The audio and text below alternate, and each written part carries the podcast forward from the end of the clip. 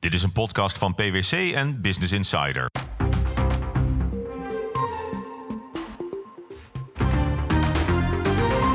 Welkom bij Een Andere Kijk op Zaken. De podcast waarin we met een andere blik kijken naar de grote uitdagingen van deze tijd.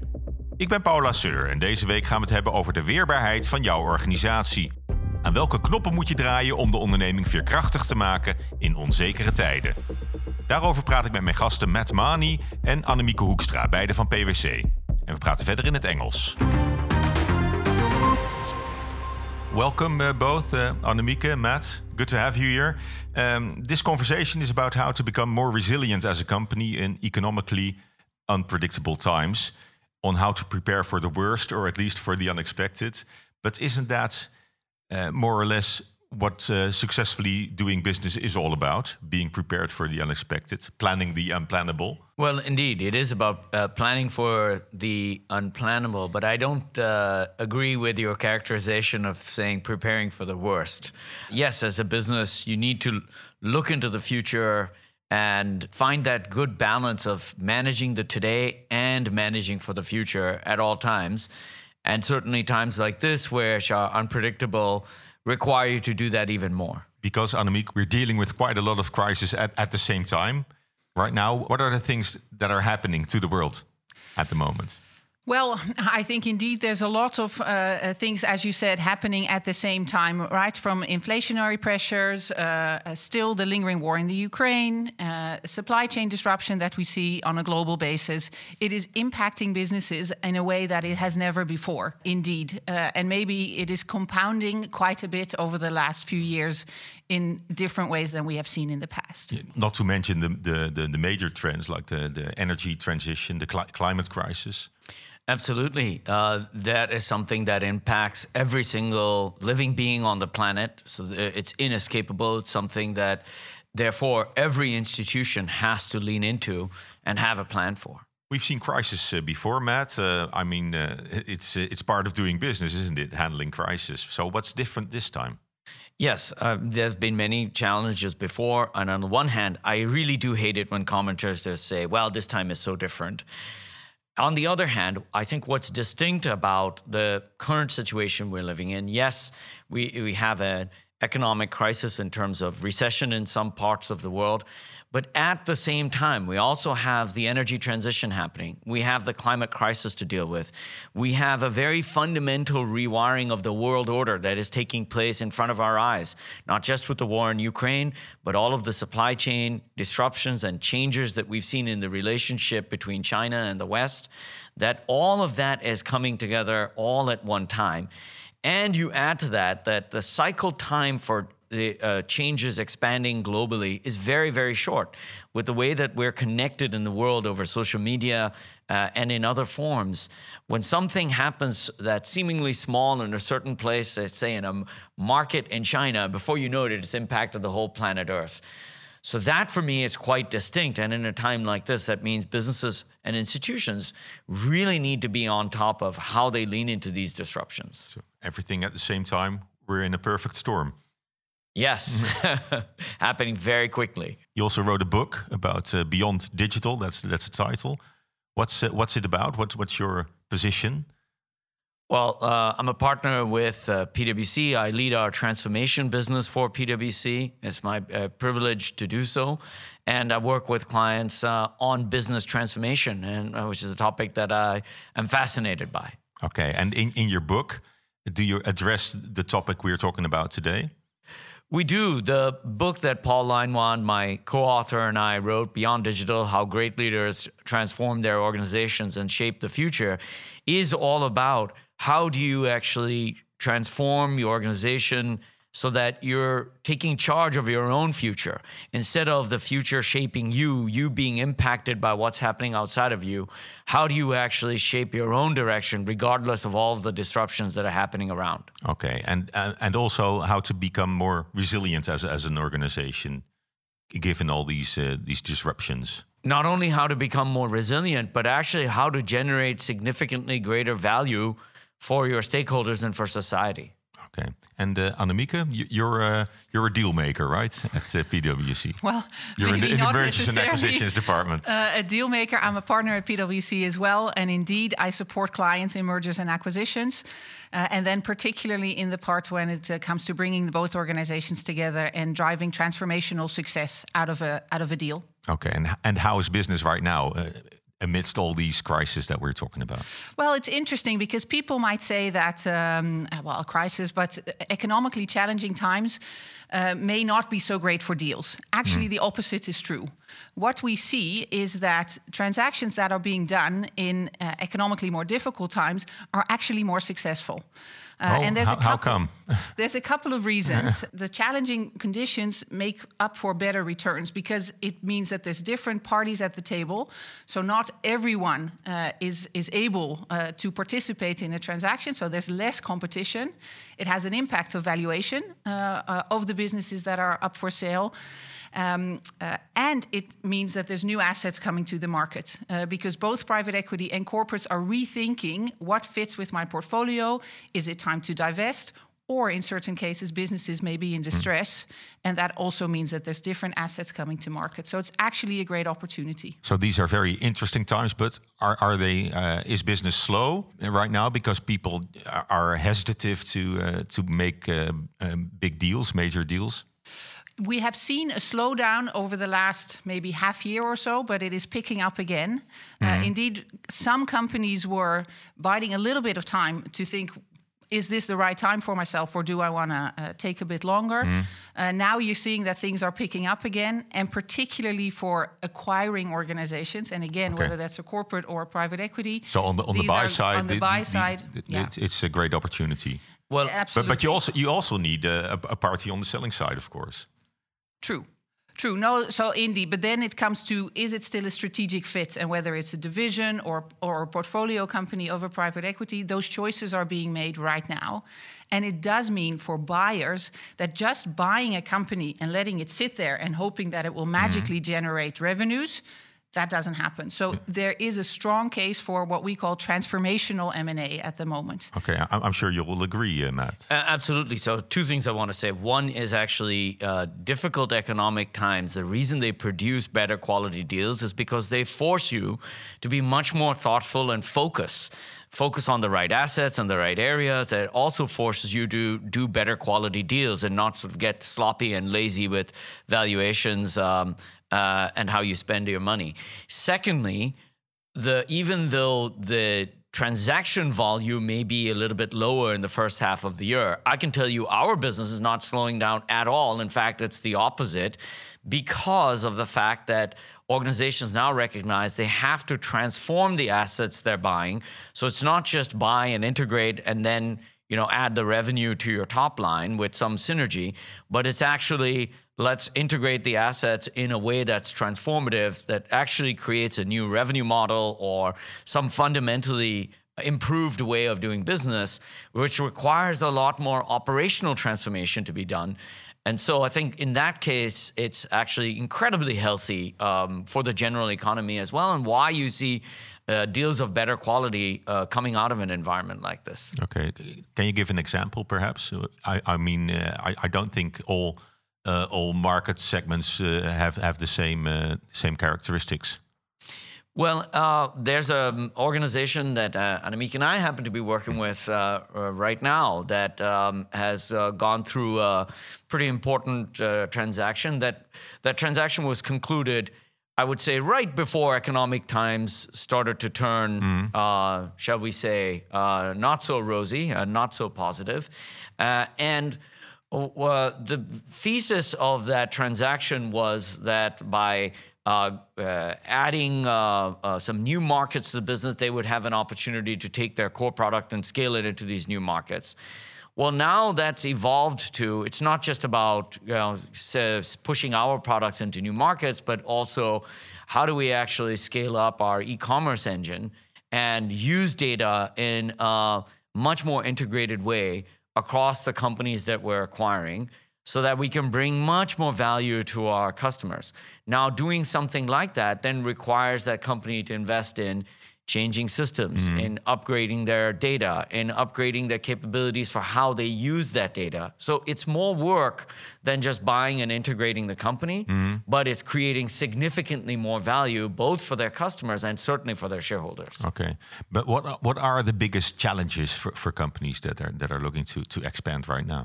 Well, assuming that indeed you're expanding through uh, an acquisition, uh, uh, then indeed it is like Matt was saying. So, how do we get the value out of it? Uh, and in the past, what organizations have only looked at is where are their cost synergies and where can I, you know, reduce some overhead or other obvious procurement savings, and that will be that. Uh, now it really is fundamentally looking at a different way of working and implementing that, uh, and that means looking at your ecosystem. So that particular example that Matt was referring to, they also started to work with joint venture parties, for example, to really scale and grow even faster. Uh, and what it means is also how do you keep your people engaged throughout that process? Uh, because that's another thing that we've seen over the past couple of years, also during COVID, uh, uh, the great resignation, uh, many people reconsidering what they want in life and making different choices. Uh, and for organizations, it's exceptionally important to keep that talent uh, and keep them motivated also in times of significant change, like a transaction. And and you know what people want. Well, I don't know everything what people want, but uh, we've seen a lot of things, and in that sense, it's very interesting. Uh, in a in a transaction, and also in difficult times, yes, people are very different globally. People are very different in different industries or age categories, but fundamentally, there's a lot of similar things driving people. The, the common knee-jerk reaction in, in most organizations in uh, economically difficult times is to to cut costs. It is. and, and they focus only on, on cutting costs, and and and that's that's maybe a, t- a too shallow uh, focus. Not only maybe too shallow focus, it's actually quite harmful. We have research that uh, we've proven time and time again. Every time there's a recession that happens, we do this research, and it's not just us, many other organizations. It always gives you the same results that companies that are focused investors during recessionary periods end up emerging stronger and better than anyone else. And so that means being very focused about where you're investing.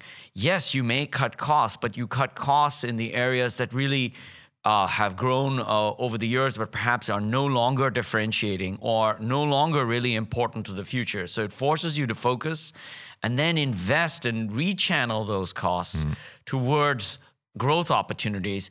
And that's what makes you stronger. So I think you're absolutely right in that it is a huge mistake to only focus on cutting costs and hunkering down and hoping that you'll somehow emerge better and everything will go back to normal. And instead, if you take charge of your own future by rechanneling those costs that you've cut into growth areas, it gives you the opportunity to really shape your own direction. Okay, but I would say it's a, it's a bad idea to to to lay people off that you had a really hard time to to get them on board in the first place. Yeah. So what we're seeing is that companies indeed are very much scrutinizing where do we need our people uh, at uh, in what functions and what levels or which parts of the organization. Uh, so indeed, you don't want to be too quick on that.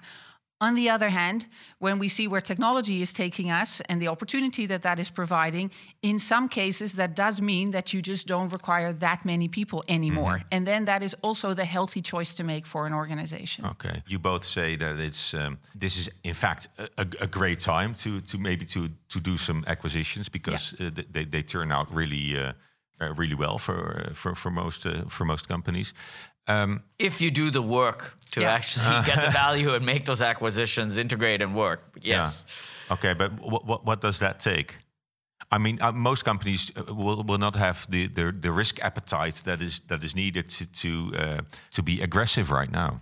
Yeah, well, I think it does start with identifying what is the right fit. Hmm. Just thinking, oh, now is a great time to buy. Let's see what's out there, and if hmm. it would, you know, if we can make it work.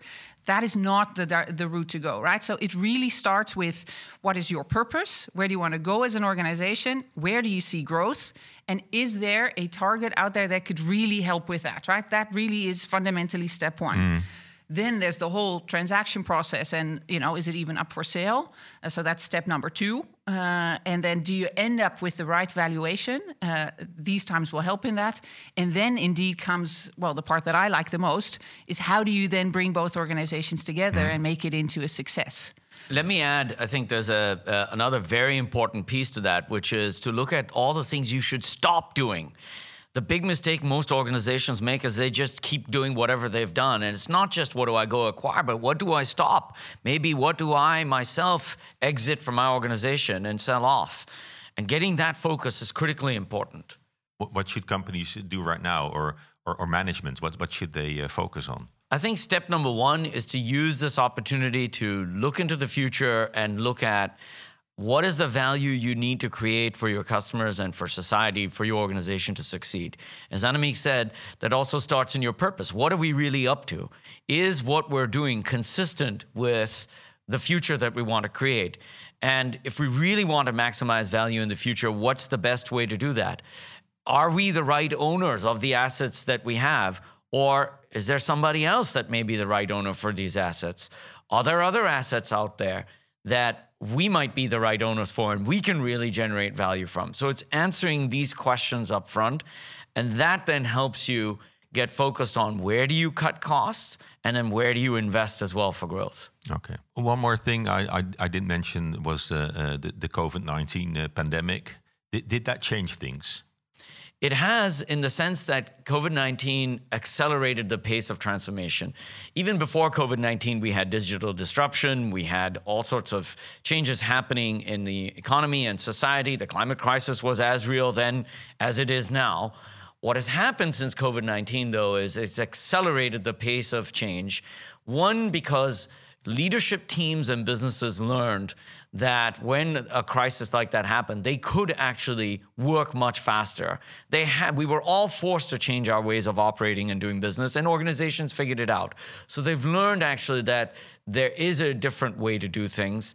And in many cases, you see, for example, the uh, pace of e commerce pick up. One statistic that has been doing the rounds recently is that you and I, as consumers, are now much more willing to interact digitally and uh, use self service than having to speak to someone for customer service because we got used to online interaction during COVID. And so that's now accelerated the pace of digital transformation in how you engage customers. That's just one example, but you mm-hmm. see that happening in industries all over. And as a result, you now see companies uh, moving much faster around uh, their transformation agenda. Okay, and but does it help companies to to grab the opportunity and especially see the opportunity instead of a risk? Yes, I think I, I think it does. Uh, it just provides more clarity on the different choices that are there. Uh, because some of the things that we're also seeing, we've moved a lot from the extreme globalization back much more to within the region or different focus. Because we've also seen some of the risks that this fully global economy has, right? So it is just increased focus, uh, I think, for organizations on on where there's opportunities and where there's threats, and the confidence that they can change uh, where needed, because we've all shown that. Okay, and if we uh, if we wrap this up and uh, look for the levers to pull or the the buttons to push to be more uh, resilient as a company in these challenging times, what what would be your your top three? Yeah, I think suggestions. Well, so many suggestions, but indeed, let's try to keep it to three. No, I think the one, and that's really the key one, right? See it as an opportunity for growth. Uh, this is not the time to just ruthlessly only, you know, hide and, and cut down cost. This is the time to make the fundamental choices. And how? When are you fit for growth, as we would mm. as we would call it. That, stop stop doing what you always did. Stop doing what you always did. It might be that there's a part of the organization that needs to be divested. There might be an opportunity to grow through acquisitions, or it's organic change. But that it, it really is an opportunity. So so look at it that way. Number two, I think think broadly in terms of your ecosystem around you. You don't have to do it all by yourself. And number three, uh, uh, yeah, think about the people component. Uh, your people in your organizations are the ones that will have to do it with you, and keeping them engaged and motivated, uh, I think, is key. Th that's the, the, the purpose issue, right? What you raised as well, uh, Matt. Do, do, you do you agree with with the with the top three that uh, just? Uh, 100% presented, or, or do, you, do you have um, do you have another uh, other? Uh, no, that would be my top three as well. Okay, and no no additional, just uh, just some last words. Well, to uh, wrap it up. uh, I'd say um, again, see this as an opportunity. If there's nothing you take away from this discussion, take that away. This is a time that uh, you can really do some magical things with your organization, with your people, and you can really solve some big problems that we society needs businesses to solve. We need businesses to actually transform themselves to be better citizens, to be able to clean the planet, uh, and to make this a better environment for all of us. So use this as an opportunity for that change. And that altogether will make companies more resilient uh, in economic turbulent times. Absolutely, not only more resilient, but much more value creating for their people, their shareholders, and uh, their broader stakeholders in society. Thank you very much. That, Thank you. that, that, was a great closing speech, uh, Matt. Thank you, uh, Matt Mani and Annemieke Hoekstra from uh, PwC. En jullie bedankt voor het luisteren. Dit was een andere kijk op zaken. Benieuwd naar nieuwe afleveringen? Hou dan Business Insider in de gaten of abonneer je via je favoriete podcastkanaal. Graag tot de volgende keer.